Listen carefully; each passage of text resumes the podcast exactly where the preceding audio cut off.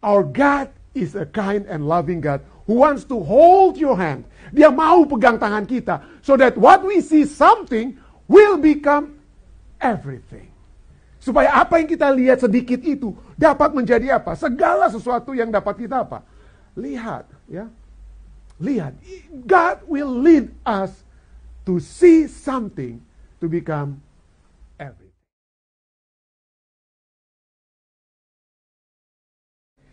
Now we are in the last part of our series talking about uh, what ya? That the God is with us. Allah yang bersama-sama dengan kita. Immanuel. Ya, dia memiliki satu kerinduan untuk bersama-sama dengan saudara dan saya secara individu. He wants to be with us individually and personally. Ya, he wants to be with us individually and personally. It is possible for him to be with us, but the question is sometimes, ya, sering kali yang terjadi adalah we don't know whether we are with him. Ya, kita tidak tahu apakah kita betul-betul bersama dengan dia, melihat dia. But the point is that we will, oh, sudah muncul. Oke, okay. the point is uh, kita bisa melihat bagaimana he wants to be with us individual. Dia ingin bersama dengan kita secara individu, because this is one of the texts. We talk about the Laodicean church, right? We talk about the Laodicean church. And then at the end of the Laodicean message to the Laodiceans, di akhir pekabaran kepada jemaat Laodikia dikatakan di dalam Wahyu 3 bahwa dia sedang apa? Berdiri apa? He was standing at the door and what? And knock. This is in the context of the church, but yet look at the words when Jesus want to enter the church, whom he wants to meet. Siapa yang dia mau ketemu? Seluruh anggota jemaat? He wants to meet all of us in the church? Or what? What do we read here? If anyone hear my voice and open the door, I will come in and eat with them. And they will be with me. Is that what is written here? Apakah dikatakan dia akan masuk dan makan dengan mereka semua dan mereka akan bersama dengan dia? What does it say? I will come in and eat with him or her. Bukan hanya untuk pria ya. This is not only for men but also women. He will come and eat with him and he with me To him who overcomes, I will give the right to sit with me. Somehow, yes, it's the message is speaks to a church, Laodicean church, but the church is actually consists of individual. Setiap orang yang ada di dalam apa? Dalam gereja. So Jesus here wants to be with us individually. Dia ingin bersama-sama dengan kita secara individu. Secara individu. Why? Because he wants to have a personal relationship with each one of us. He wants to strengthen not the church as a whole, but he wants to strengthen the individual inside the church. He wants to give us the strength. He wants to hold our hand. Beberapa tahun lalu, a couple of years ago, we seen this picture, yeah, a viral picture, yeah, about um, a, a mother you know, for the whole week, the mother was, you know, with the, the son by the name of Axel. Axel, yeah? Four years old, four years old Axel. For the whole week, the mother has prepared everything for Axel. Sepanjang minggu ibunya persiapkan segala sesuatu untuk Axel. Bought his book because Axel will enter kindergarten. Yeah, yeah, he will enter kindergarten. He did not attend preschool. This will be his first time to enter school. So the mother, and Axel was excited. Senang sekali Axel mau masuk sekolah ya. Mau masuk sekolah. And then the mother brought him, the mother brought him to the bus and put him down to sit down. And then the mother went out from the bus. Lalu kemudian apa? Setelah masuk di, di bus, ibunya keluar ya. Ibunya Amy Johnson di Wisconsin ya. Amy Johnson dia keluar, tinggallah si Axel itu apa? Sendirian di bus. Aduh, pada saat dia aduh, My security is my mom. Dia, dia mulai apa? Axel yang 4 years old ini mulai apa? Mulai menangis. Aduh, dia gak biasa ditinggalkan oleh ibunya. This is the first day in the school. The first day, hari pertama di sekolah. And then what happened? Yeah, from this picture, what happened? The driver, ya, pengemudi bus sekolah tersebut ulurkan tangan kanannya, ya, ulurkan tangan kanannya dan memegang tangan Axel yang sedang menangis. Isabel Lane was the driver. So the driver hold his hand, pegang tangannya, and he was calm. Dia jadi apa? Jadi tenang. Dia jadi tenang, tidak lagi apa? Menangis. Because why? Because someone hold his hand. Seseorang yang memegang apa ya? Tangannya. Di Alkitab kita melihat bagaimana Allah kita itu suka sekali untuk pegang tangan kita. Yesaya 41 ayat 10, Isaiah 41 verse 10 dikatakan apa? Janganlah takut sebab aku menyertai engkau. Janganlah bimbang sebab aku ini Allahmu. Aku akan meneguhkan bahkan akan menolong engkau. I will uphold you with my righteous hand. Tuhan suka sekali pegang-pegang tangan kita, saudara ya. And this is the glimpse, a glimpse of God that will hold our hands in an, in an uncertain times. Allah yang selalu memegang tangan kita di masa-masa yang mungkin yang tidak apa ya, yang mena yang menakutkan, ketakutan. Ya. Seringkali, oh, gimana ini? Kita tidak perlu takut. Seperti saya percaya saudari Jane tidak perlu takut pada saat Ibu Shana akan kembali ke Indonesia besok ya. Ibu Shana tidak perlu takut. Bukan hanya karena ada Annette, ada Aubrey. But God will hold both the hand of Ibu Shana and, and Jane ya. Aku akan memegang engkau dengan tangan kananku yang membawa apa? Kemenangan. And not only that, not only that. Pada saat mungkin kita mungkin kita hanya perasaan takut, tapi pada saat kita dalam keadaan jatuh, when we fall down, even when we fall down, pada saat kita jatuh jauh dari Allah, apa yang dikatakan dalam Mazmur 37 ayat 23 24, what does it say in Psalms 37 23 24? Tuhan menetapkan langkah-langkah orang yang hidupnya berkenan kepadanya. Apabila ia jatuh tidaklah sampai tergeletak. When though he fall, that person he shall not be utterly cast down, for the Lord upholds his, he uphold him with his what? Uphold him with his hand. Tuhan yang memegang apa? Tuhan yang memegang tangan kita. Remember what book that we are studying now? What is the book that we have been studying? The book of Mark. What, what is the first series about the what? The, the about the what what what what what event that we discussed in the first series about the madman of Gadara. Okay, first one, uh, uh, part one, part two, the daughter of Jairus, part three, the bleeding woman. Yeah, they are all the three, the three miracle stories that we have heard or we have studied together It was so significant, it was so special that is only written in the book of Mark. And now we are going to see the fourth story that is also so significant in the book of Mark. Perhaps the most significant, yang keempat yang kita akan pelajari adalah satu kisah yang paling istimewa. Ditulis dalam kitab apa? Markus. Remember, the book of Mark is the first gospel written. Jadi buku Markus adalah Injil pertama yang ditulis, lalu yang lainnya itu mulai apa? Mengembangkan dari kitab apa? Markus. So the other gospels, Matthew, Luke, and John, they developed from Mark. But the book of Mark is the, the foundation of other. So we will see what is so special. Why not the other gospel mention about this fourth, uh, fourth miracle healing story that we are going to study? Kenapa penulis Matius Lukas, Yohanes tidak menulisnya. Dan ini adalah satu kisah yang terdapat dalam Markus 8 ayat 22 sampai 26. The healing, penyembuhan dari orang yang buta di mana? Di Bethsaida. Why? What makes this story so special? Because normally, normally, a story in written in Mark is also mentioned in the book of what? Matthew, Luke, and John. Biasanya kisah di dalam Markus ditulis juga di Matius dan seterusnya. But this is the only story, this is the only story written in the book of Mark. Not in the book of Matthew, not in the book of Luke, not in the book of John, only in Matthew. Why? Perhaps why? Because not, maybe, number two, the reason, the second reason why this is so significant because this is the only story, inilah satu-satunya kisah yang ditertulis.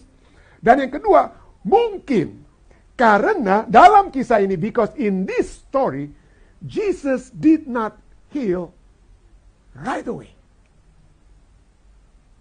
Will see. What does what does what do you mean, Pastor? Jesus did not heal right away. Let's go to the story, yeah? Let's go to the story. Okay. Mark 8 verse 22. Markus 8 ayat 22. Then he came to Bethsaida and they brought him they brought a blind man to him and begged him to touch him. Who were the they here? Siapa itu they ini? Siapa itu mereka itu? Ya. Mungkin keluarganya, the family, ya, or the friends of the person. But here we see that the friends is the one, or the family, they were the one having faith. Because they believe in Jesus, they brought Jesus, and they begged Jesus, Jesus, yeah, yeah, please do something on this man, in other words. Uh, in Mark 10, in Mark 10, dalam kitab Markus 10, ada juga orang yang disembuhkan dalam keadaan buta. That person by the name of Bartimaeus, the name of the person in Mark 10 that was healed, Bartimaeus. And Bartimaeus shouted three, two times, two times, Jesus, son of David, please have mercy on me. Yesus anak Daud, milikilah kemurahan kepadaku. Dia minta, dia berteriak, dia punya iman. But not this man. Not this man. It is the other people. Yeah, brought him to Jesus. We need, we need sometimes to bring other people who have lack of faith to Jesus. Ya, to be introducer. To be the introducer. Yang memperkenalkan orang lain kepada Tuhan. Lalu, why I say they have good faith, aside from they brought a blind man to him and begged him, they ask only what? Apa yang mereka minta dari Yesus? Touch him. They don't say, make him able to see. They know what Jesus can do. They know what Jesus can do. So, Jesus, please just touch this person. Where did they learn about this? Dari mana orang-orang ini belajar tentang jama Yesus saja sembuh? Like the song, He touched me. Yeah, oh, He touched me. Dari mana? Ya, the bleeding woman. The bleeding woman just touch the apa orang wanita yang pendarahan dia touch the the robe of Jesus and she was healed. So they heard, perhaps they have heard. They said, Jesus touch, just touch him, touch him.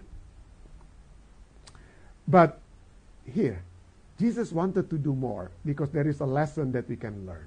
Yesus mau melakukan yang lebih. Kenapa? Karena ada yang dia ingin ajarkan. There is a lesson.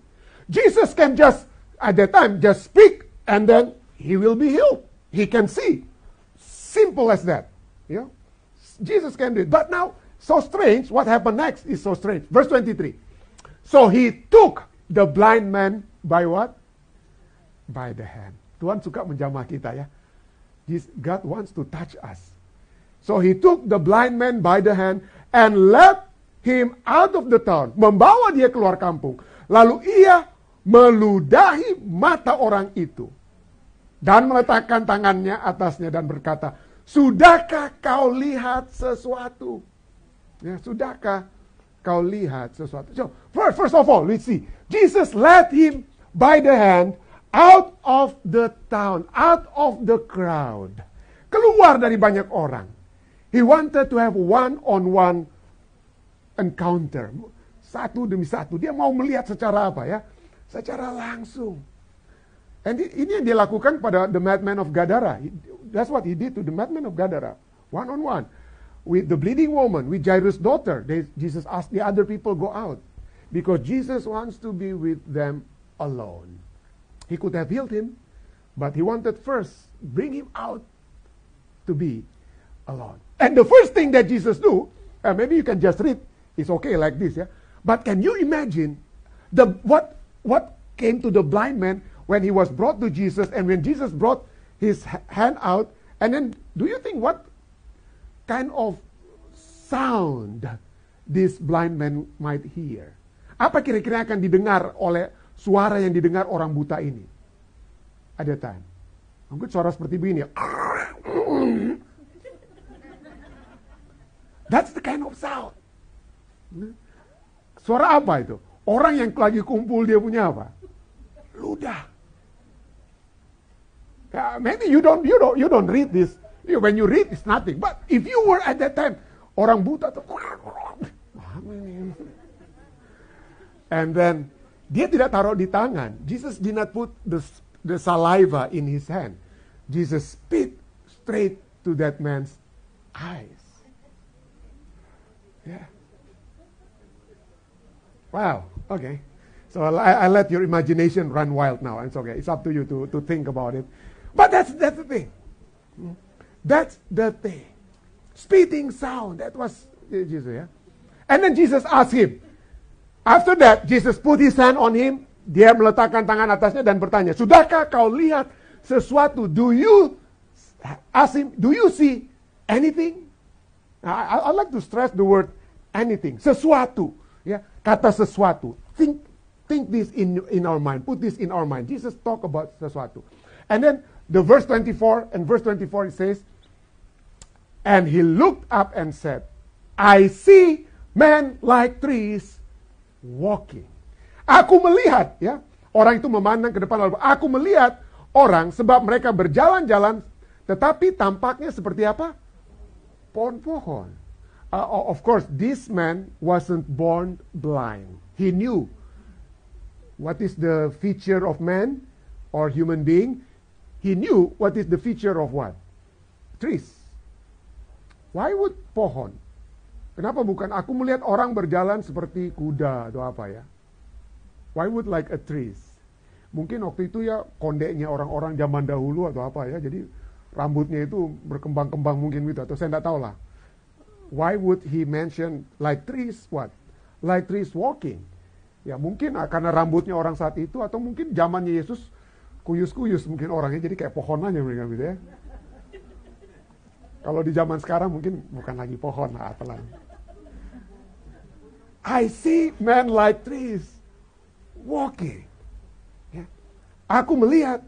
Now the question is, ya, the question is why not heal right away? Kenapa tidak sembuh seketika ya? And this is the question. Because this is the first stage of hearing. When Jesus spit on him, when Jesus pada saat Yesus meludah, he can only see in this first stage men like trees walking. And then verse 25. And verse 25 it says, once more, sekali lagi, bukan Yesus ludah. Waduh, kasihan tuh orang kalau di luar terus-terus ya. But once more, Yesus meletakkan lagi tangannya, bukan ludahnya. Yesus meletakkan lagi tangannya pada mata orang itu. Maka orang itu sungguh-sungguh melihat dan telah sembuh. Sehingga ia dapat melihat anything. Ya. He, his eyes were opened, his sight was restored, and he saw everything clearly. In the first stage, apa yang dikatakan? He can see only apa? Jesus asked, do you see anything? Adakah engkau melihat sesuatu? Sekarang dikatakan dia dapat melihat segala sesuatu. Segala sesuatu. Why would Jesus not be not be able to heal the blind man when he spat on him in the first stage? Yeah. Was Jesus a failure? Apakah Yesus telah gagal? Was Jesus making a mistake and now he had to up the process. Dia akan apa? Memperbaiki prosesnya supaya orang itu lebih bagus. Was Jesus making a mistake or Jesus was making a point? Apakah Yesus sedang membuat kesalahan atau sedang membuat satu poin pelajaran penting? Which one? Was Jesus making a mistake or making a point? I believe Jesus was making a point. Ya, Yesus sedang membuat apa? Satu ajaran di sini, bukan karena dia salah. Ya, The question is what kind of point? What kind of point that he was making? Point apa yang dia sedang buat? The point is that sometimes we can see something but do not see everything clearly. Kadang-kadang dalam kehidupan kerohanian kita, kita tahu sedikit-sedikit atau tidak. Atau mungkin kita bahkan kita pikir kita tahu banyak, but the truth is we can only see something But we do not see everything clearly. We do not see the whole picture. Yeah. We do not see the whole picture. But our God is a kind and loving God who wants to hold your hand. Dia mau pegang tangan kita so that what we see something will become everything. Supaya apa yang kita lihat sedikit itu dapat menjadi apa? Segala sesuatu yang dapat kita apa? Lihat, ya. lihat. God will lead us to see something to become everything. So that's the point of Jesus. So in the first stage, he took the blind man, anything. Do you see anything? Adakah kau lihat sesuatu? But the, the second stage, he can see everything. Yeah. Everything. The, the question is, point Jesus was making, not a mistake, but Jesus was making a point for who? Yesus membuat point ini untuk siapa? Untuk orang buta itu? Untuk sahabat-sahabatnya? Untuk sahabat-sahabat orang buta? Untuk siapa dia making a point? Eh, oke, okay, Anda kata, oh ya untuk kita lah pendeta. Oke. Okay. But at that time, pada saat itu, he was making a point for who? He was making a point for the people who listened to him at that time. His disciples, his disciples and all the people. And he was making a point to each one of us. Dia buat point itu juga kepada apa ya? Kita. What kind of point? No, look, in Markus Lapan, in Mark 8, 1 to 10, you see that Jesus feeds 4,000 men with seven loaves of bread. Pada Markus 8, ini sebelum sebelum peristiwa ini ya, before this event, in Mark 8, 1 to 10, Jesus feeds 4,000 men with seven loaves of bread. And then just after Jesus make this, make this miracle, in a sense, the Pharisees came in Mark 8 verse 11. The Pharisees came and began to question Jesus to test him. And they asked him for a sign from heaven. Muncullah orang Farisi dan bersoal jawab dengan Yesus untuk mencobai dia. Mereka meminta daripadanya suatu tanda dari surga. Ini baru lihat tanda, masih mau tanya lagi. Itulah sebabnya in verse 12, in Mark 8:12, Jesus sigh deeply. Ya. Mengeluh Yesus dalam hatinya dan berkata, kok angkatan ini kok buta mereka? Why they are so blind? Why they are so blind? Have they not seen what I have done. Apa mereka nggak lihat? Dengan kata lain, Yesus bilang, apa mereka nggak lihat apa yang aku baru buat? Ya. Apa mereka nggak lihat? And so Jesus said, oh, I will not give them any more, I will not give them any sign. Yesus bilang, aku nggak mau tunjukkan mereka tanda lagi. Dan Yesus pergi dengan murid-muridnya, menyeberang. Ya. Lalu kemudian Yesus berkata kepada murid-muridnya, ya, in verse 15, Mark 8, 15 to 16, Lalu Yesus, you can read in English ya.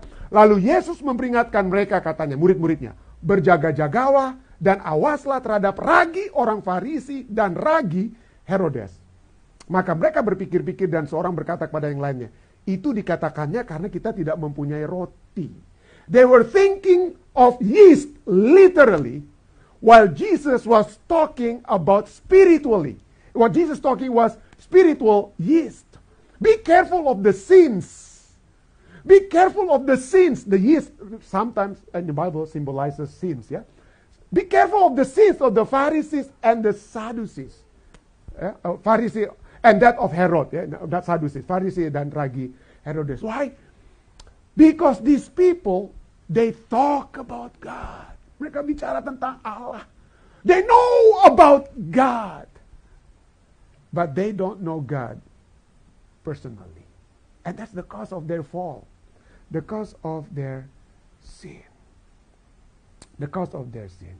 And so, in verse 18, uh, 17 and 18, dan ketika Yesus mengetahui, when Jesus aware of their discussion among the disciples, yeah, Jesus asked them, why are you talking about having no bread? Mengapa kamu memperbincangkan soal tidak ada roti? Belum jugakah kamu paham dan mengerti do you still not see? It's all about see, see, and see. Do you not see and understand? Are your heart hardened? Apakah hatimu sudah keras, sudah menjadi degil? And then this is the famous word that Jesus used to say, yeah? Verse 18. Do you have eyes but fail to see, and ears but fail to hear? Kamu mempunyai mata, tidakkah kamu melihat?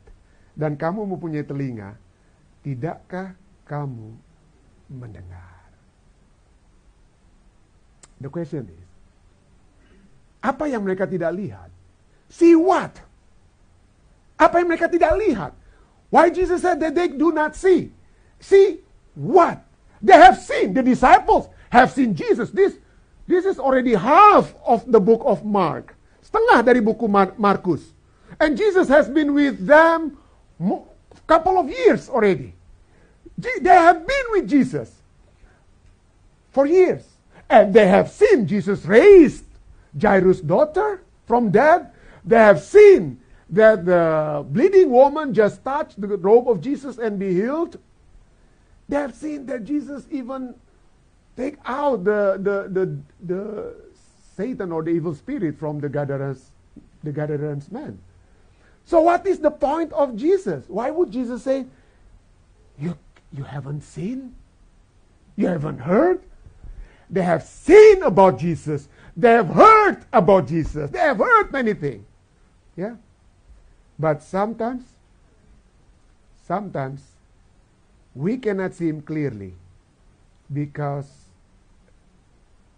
we are in the crowd. Kita tidak dapat melihat because we are hiding. Kita bersembunyi di balik apa? Di balik orang banyak. Ya. Balik orang banyak.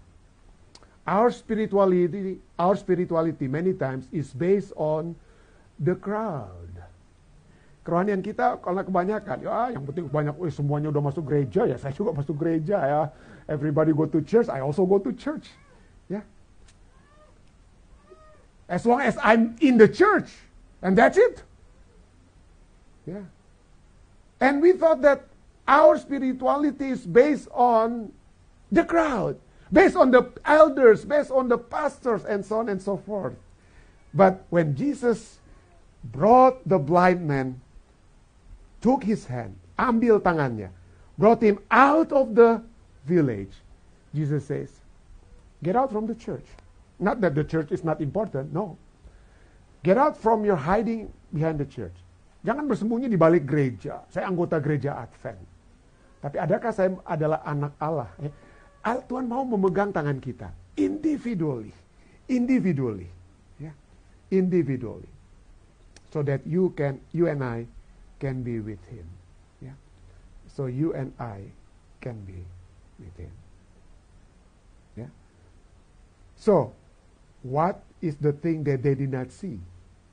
Yeah. They have seen everything, but they they know everything, many things rather. They have they know many things about Jesus, but somehow they do not know Jesus himself.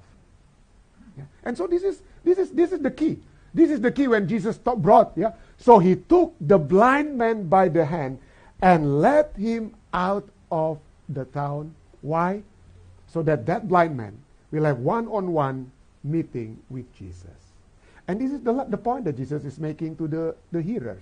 Inilah poin yang Yesus buat kepada orang yang mendengar. Kepada saudara dan saya. Adakah saudara dan saya itu memiliki one-on-one relationship with Jesus? Or our relationship just because we are FISDAC member, IPSDAC member, or whatever member we are.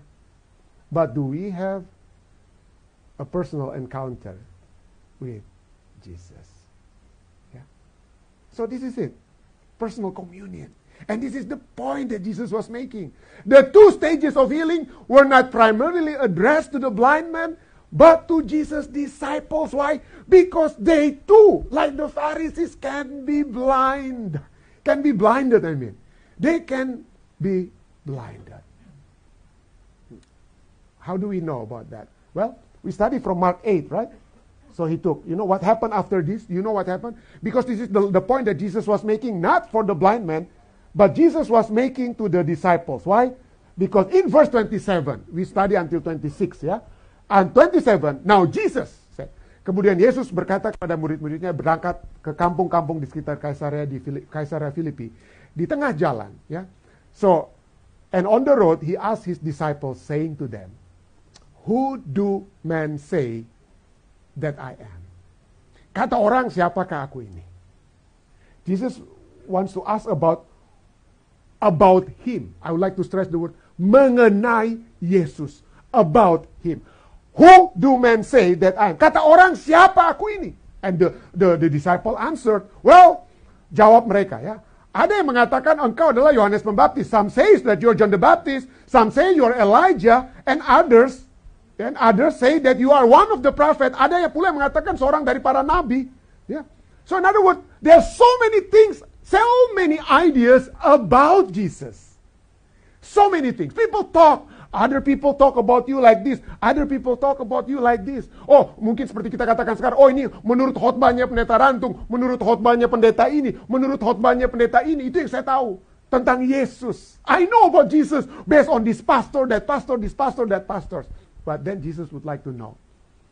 But what do you know about me yourself? He said to them, But who do you say that I am. Tetapi apa katamu, siapakah aku ini? Ya. Seringkali itu kita bilang kan, this is the thing that we used to say. Oh, Pastor Antung say last night in our meeting, Pastor Antung say this, this, this, this, this about Jesus. But Jesus would like to know. Jesus would like to know. Ya. Menurut Anda, saya ini siapa? Not according to Pastor Antung. Menurut Anda, siapa saya? So Jesus' question from general to, to what? Yeah? To specific. Okay, so Jesus asked his disciples. And can we see the problem with the disciples when Jesus asked this? Oh, yeah, we can see. Oh, seemingly not, there was no, no problem, yeah? And Peter answered, You are the Messiah. You are the Messiah. Maka jawab Petrus, engkau adalah apa? Messiah. Is this a good question or a good answer or bad answer? It's a good. But is there any problem with this? We will see. There is a problem. Ada masalah nantinya kalau kita lihat sini ya. What is the problem? Yeah? Okay, before we go to the problem, this is verse 29. In verse 30 says, And Jesus warned them not to tell anyone about him. Lalu Yesus, apa ya? Yesus mengamarkan, oh kenapa saya tidak tulis bahasa Indonesia ya. Yesus mengamarkan kepada mereka untuk tidak memberitahukan orang lain tentang apa? Tentang dia, tentang siapa dia. You see, what happened when Jesus healed the Jairus daughter? Apa dia bilang, oh kasih tahu orang banyak? Apa dia suruh begitu? Did Jesus ask Jairus daughter or Jairus, oh please tell everybody about me? No. Many times when Jesus make miracle, he will tell the people, do not tell anyone. Why would Jesus not tell? Isn't it? Bukankah ini Injil yang harus dikabarkan? Isn't it, this is the, the gospel that we need to preach about what Jesus has done? Bukankah ini sesuatu yang baik untuk kita bagikan tentang bagaimana Mesias itu ya? Why would not they spread it?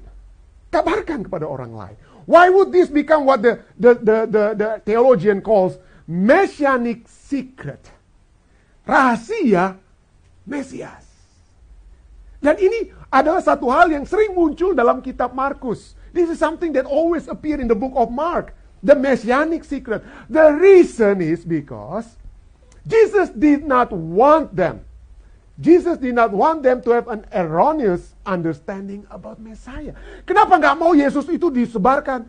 Karena supaya mereka tidak memiliki pandangan tentang juru selamat itu yang salah.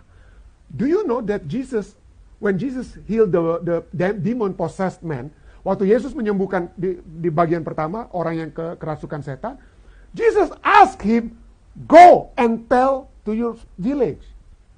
Tuhan bilang, kenapa sekarang dia larang? Why now he prohibited?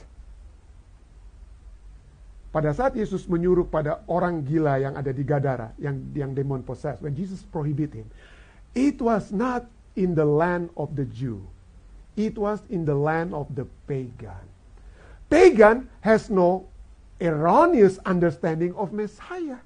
Tidak ada masalah pengertian tentang Mesias bagi orang apa? Bagi orang kafir yang disembuhkan seperti orang yang kerasukan setan. But for the Jew, for them Messiah must be the savior that will deliver them from the Romans not from the Son of God, to deliver them from sin. So that is the misunderstanding of the Jewish people. Messiah, Messiah must be the one that will fight for us against the Romans. Orang akan mengalahkan orang Roma untuk kita. And so Jesus says, don't tell anyone to the Jew. And Jesus would tell them to keep quiet. Don't talk about me as a Messiah. You will know later on when I die and I'm and, and I'm uh, resurrected, and that's the time when you will understand. But right now, don't. Yeah, right now, don't. Why? Because they are not ready yet to know. Mereka belum tahu untuk apa? Tentang Mesias itu bagaimana itu mereka belum tahu. And so, verse 31, we read verse 30, Jesus said, keep quiet because they don't know yet. And in verse 31, it says, and then he began. Mulailah Yesus mengajarkan kepada mereka tentang sifat daripada Mesias. And then Jesus began to tell them about what Messiah is all about. And Messiah is not about deliverance from the Romans. Messiah is not about that. Your understanding is wrong. Pemahaman kalian tentang Mesias itu salah. Why? Jesus says what? Because the Son of Man must be glorified, must reign as a king, must be strong. Itu dibilang.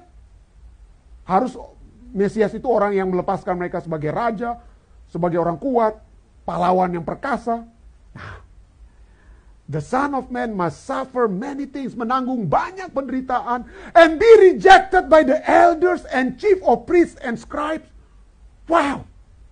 And for, for the disciples, if you are the Messiah, everybody will follow you. Gak ada yang mau tolak-tolak Anda. But you will be, Jesus said, I will be rejected by the elders, by chief priests and scribes, and I will be killed. Dan aku akan dibunuh and after three days, rise again. And this is the first time. The first time that Jesus tell them about himself. The true nature of his messiahship. Sifat Mesias yang sesungguhnya. And this is this is something that they cannot accept as a Jew. Yeah? Until now, the Jewish people, you can ask Arda, they are still waiting for the Messiah because they want the Jewish people will be number one. Yeah? They cannot accept that. And so after Jesus said this, who, who, who, who's the person that next react to this? Siapa kira-kira? Oh, Petrus, saudara ketua lelaki tahu sekali Alkitabnya ya. And verse 32, Markus 8 verse 32. He spoke this word openly. Hal ini dikatakannya dengan terus terang. Yang sebelum-sebelumnya masih dengan perumpamaan mungkin. Sekarang dia bilang terus terang. And then Peter took him aside. Biasanya Yesus yang tarik-tarik orang. Jesus is the one that holding people hand. But this time Peter is the one holding Jesus hand. Yeah. And then what did Peter ask? Tell him? And Peter took him aside and began to rebuke him. So salah ngana. Dan kata lain ya. So salah ngana. What are you talking about? You are the Christ. You are the Messiah. Don't talk about death. You are the one that killed the Romans. You are the one that killed other people. Don't talk about you will be dead. Dengan kata lain ya. And Jesus talk about being crucified. And for the Jewish people, crucifixion is the lowest loser place. Itu adalah tempat yang paling apa? Terendah. This is not what the Messiah is all about. Jesus, stop talking nonsense. Stop talking nonsense. Keep quiet, Jesus. Quiet. Diam.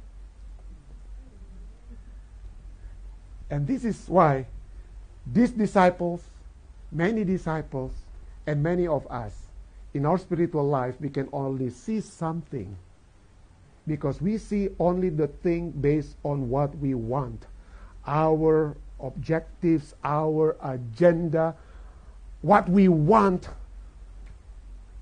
and not from the perspective of God. And verse 33. In verse 33, but when he had turned around and looked at his disciples, setelah dipanggil, dia ditarik sama Petrus dia, lalu Yesus melihat murid-murid lain. He rebuked Peter. Dia memarahi Petrus, katanya apa? Get behind me, Satan. Kenapa bukan get behind me, demon atau apa? Satan. Because the meaning of Satan is accuser. Penuduh. Dia tuduh Yesus sota salah ngana. Hmm? Nyala iblis. Get behind me, Satan. For you are not mindful of the things of God, but the things of man.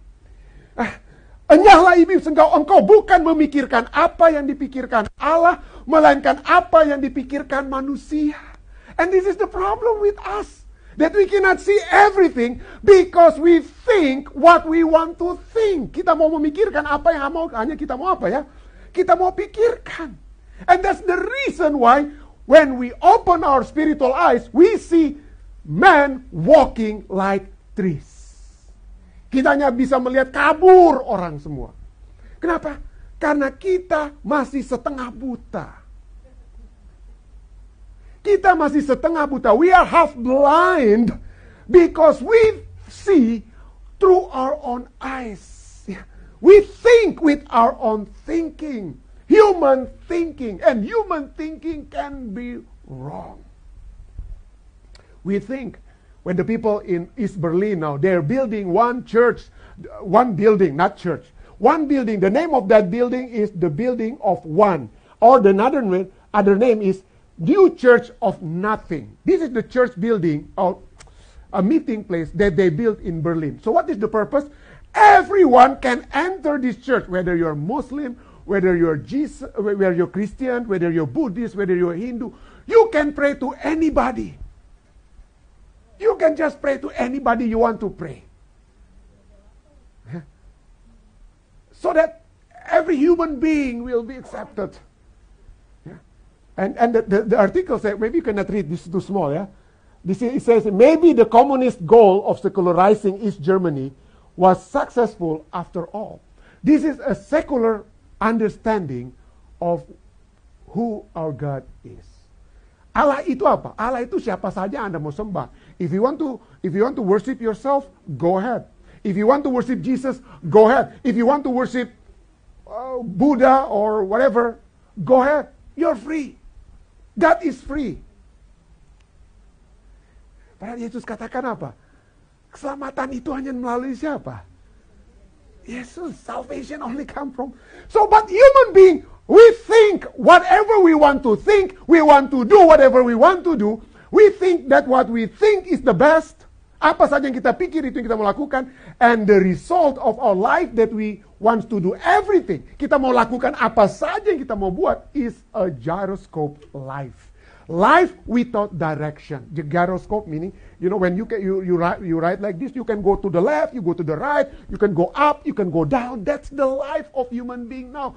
Do whatever you want to do. Lakukan apa yang Anda mau lakukan. No one will tell you this is wrong, this is okay. No, do whatever you want. Whatever you think, do it. Whatever you, whom you want to worship, go for it.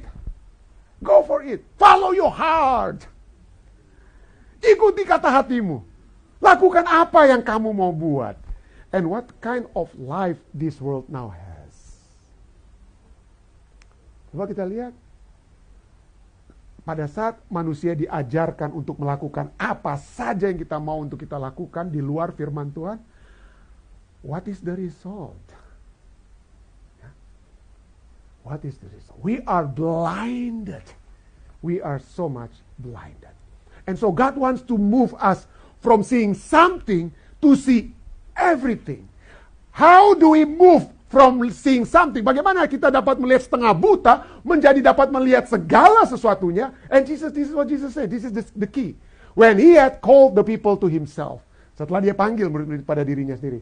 With his disciples also, he said to them, Whoever desire to come after me, let him deny himself and take up his cross and what?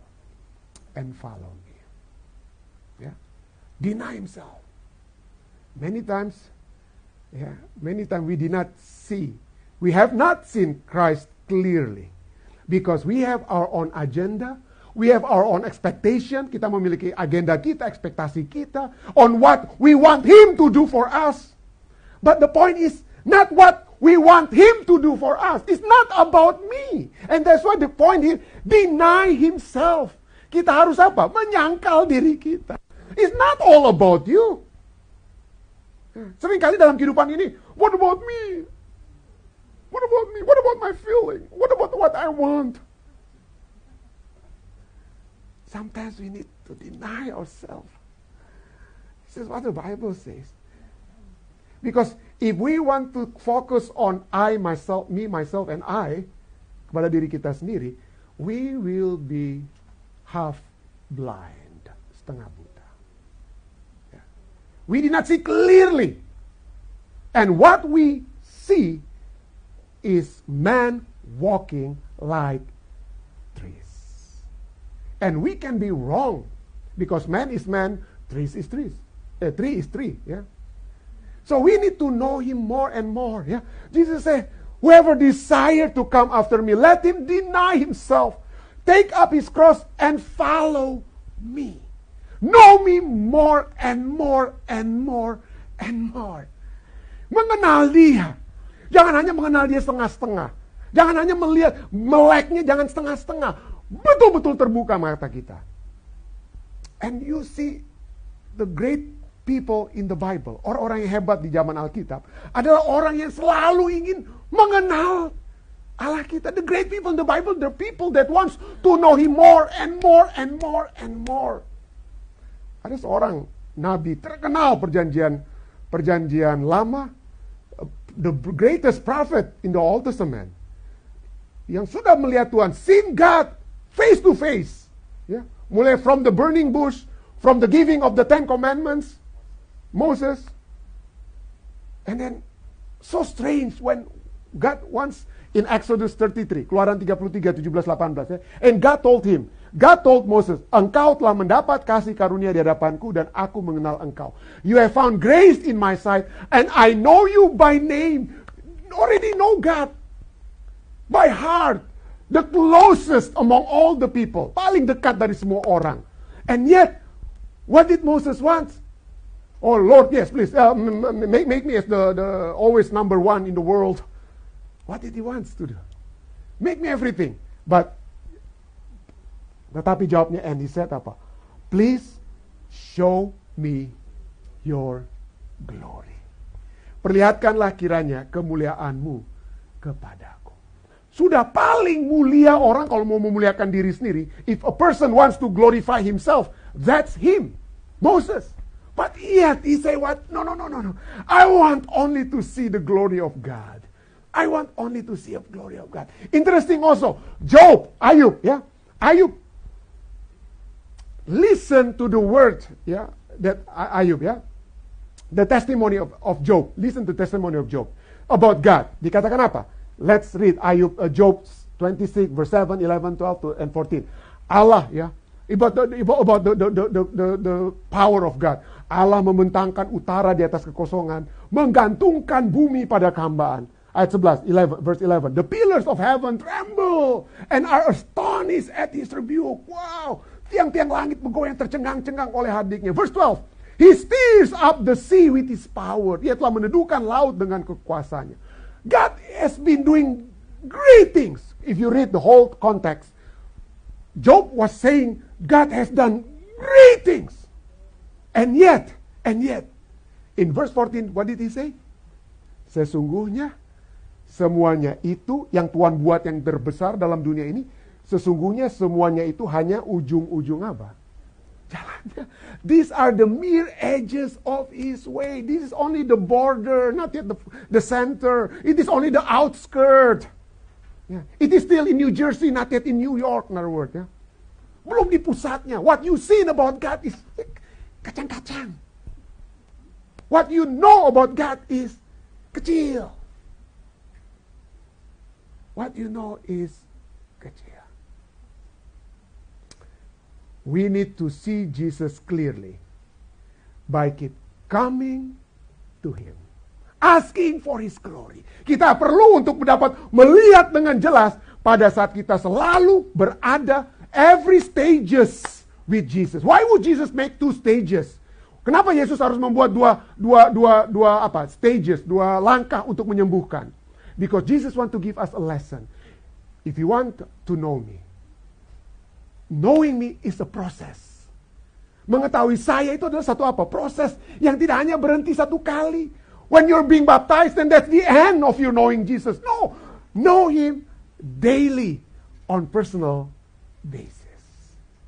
Know Him daily on personal basis. Oh, and Jesus said, follow me. Follow me, yeah? Follow me. Follow me. Deny yourself. Don't think about what your expectation. Don't think about your desire or what. Think more about my desire. Why? Because Jesus said, Carilah dahulu, seek ye first the kingdom of God, and the other thing shall be what? Added unto you. Carilah dahulu kerajaan Allah. If you look after me, if you follow me every stages of your life, you will get every, anything else. And this is exactly what Jesus was saying. Verse 35, 34, Jesus said, follow me. Yeah? What happened when we follow me? We will get anything else, in other words. But if we do not, if we do not follow Jesus, well, the result is not good. Yeah? For, verse 35, 36, karena siapa yang mau menyelamatkan nyawanya, ya, siapa yang mau menyelamatkan nyawanya, ia akan kehilangan nyawanya, tetapi barang siapa kehilangan nyawanya karena aku dan karena Injil, ia akan menyelamatkannya. Apa gunanya seorang mempelori seluruh dunia, tetapi ia kehilangan apa? Nyawanya. Ada, saya tidak mau bilang apa ya, tapi ada yang uh, katakan, waduh, ada orang yang mau bangun rumah katanya ya. ya bangun rumah besar, 2M dan lain sebagainya, berapa M lah mungkin Anda bilang. Tapi kemudian kalau Anda jatuh sakit, What is the use of them? If you die, what is the use of them? Apa gunanya? Ya. Dengan kata lain, we have to set our priority. What is our priority in this world? My bank account, it can be taken, right? Your status, status-status kita. I will be old. I may, I may not be always 55 years old like now. There will be time I'll be old. I cannot get the strength. Uh, Anthony is can be strong. Or like bapak-bapak, like last, last Sunday ya, bapak-bapak kita di bawah pimpinan Bapak Jaminten, kuat sekali mereka dari kerja dari pagi, from morning to evening, making this, uh, making this our parking lot. Ya, Pak Jaminten, ketua-ketua, ibu-ibu semua yang telah datang, Anthony. But how long will we have the strength? You see? So we have to set a priority. What is our focus in this life? Yeah? Let's the focus be that we follow him and follow him all the way. I bring this in the name of Jesus.